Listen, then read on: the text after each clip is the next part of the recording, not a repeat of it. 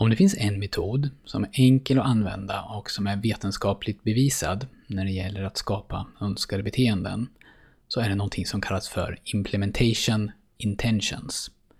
Den här termen myntades av psykologen Peter Golowitzer för nästan 20 år sedan och en svensk översättning skulle kunna vara ungefär avsikt att utföra. En implementation intention, det är en algoritm som du använder när du beskriver vad du vill göra, ditt önskade beteende. Och vad Golovitzer upptäckte, och vad ett hundratal publicerade studier efter det också har upptäckt, det är att om du beskriver ditt önskade beteende enligt den här algoritmen så ökar möjligheterna att du ska göra det du har sagt till dig själv att du ska göra betydligt. Ett vanligt sätt att beskriva våra önskade beteenden kan ju annars vara att jag ska börja dricka mer vatten, eller jag ska använda mobilen mindre, eller jag ska försöka stressa mindre.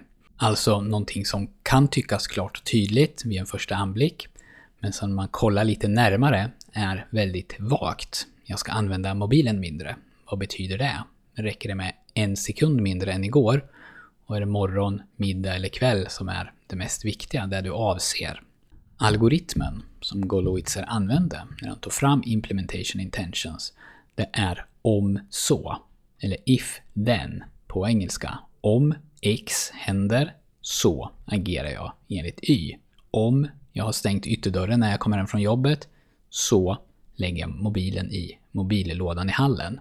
Om jag inte behöver göra någonting viktigt, så ligger mobilen kvar i lådan. När man tänker efter så kan i stort sett hela ens liv beskrivas genom sådana här om så-algoritmer. Om jag känner mig stressad, så blir jag ofta kort i tonen. Eller om jag känner mig stressad, så öppnar jag upp Instagram. Eller om jag sätter mig på skrivbordsstolen, så sätter jag på datorn. Om datorn startar upp på morgonen, så går jag och hämtar en kopp kaffe. Och så vidare.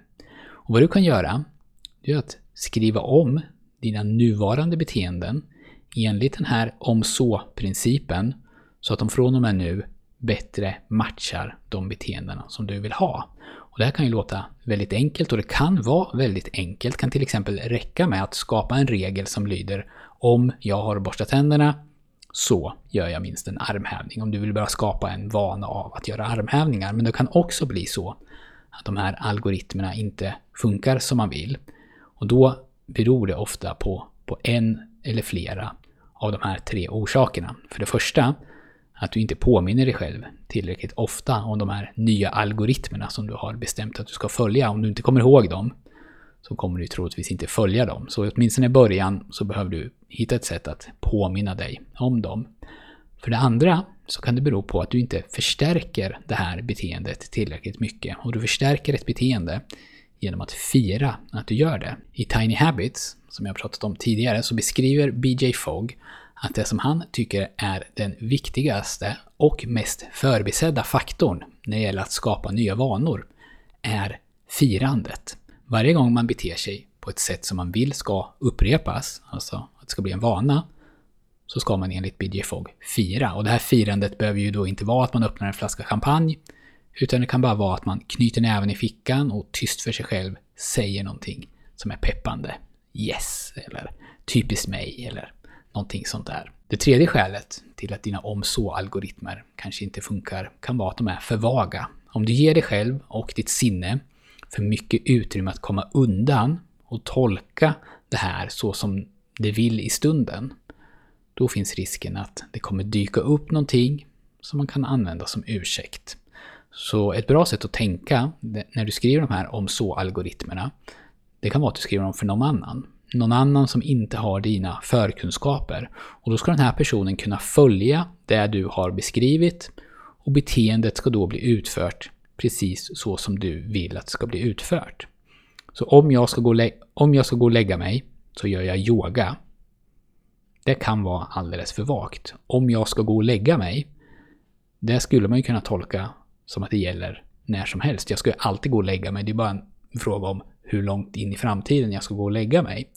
Så gör jag yoga kan ju också innebära någonting väldigt luddigt. Innebär en 10 sekunder, innebär en timme, vilka övningar ska jag göra det eh, och så vidare. Så här behöver vi kanske vara mer tydliga. Och då skulle man till exempel kunna behöva sätta ihop flera sådana här om så-algoritmer. Om jag har borstat tänderna så ställer jag tillbaka tandborsten i muggen. Om jag har ställt tillbaka tandborsten i muggen så hämtar jag min yogamatta. Om jag har hämtat min yogamatta så rullar jag ut den på golvet i sovrummet. Om jag har rullat ut mattan så gör jag en solhälsning. Och solhälsning är då en yogaövning.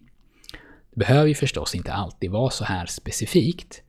Men ju mer specifikt, ju mer detaljerat, desto mindre möjlighet att prokrastinera och ge sig själv ursäkter och ju större chans att det här blir gjort. Så en implementation intention är alltså en algoritm som skrivs om så. Om X, så Y. Om X inträffar så beter jag mig enligt Y. Och om man beskriver sina önskade beteenden enligt den här formen så har forskning visat att det är mycket större chans att det blir utfört.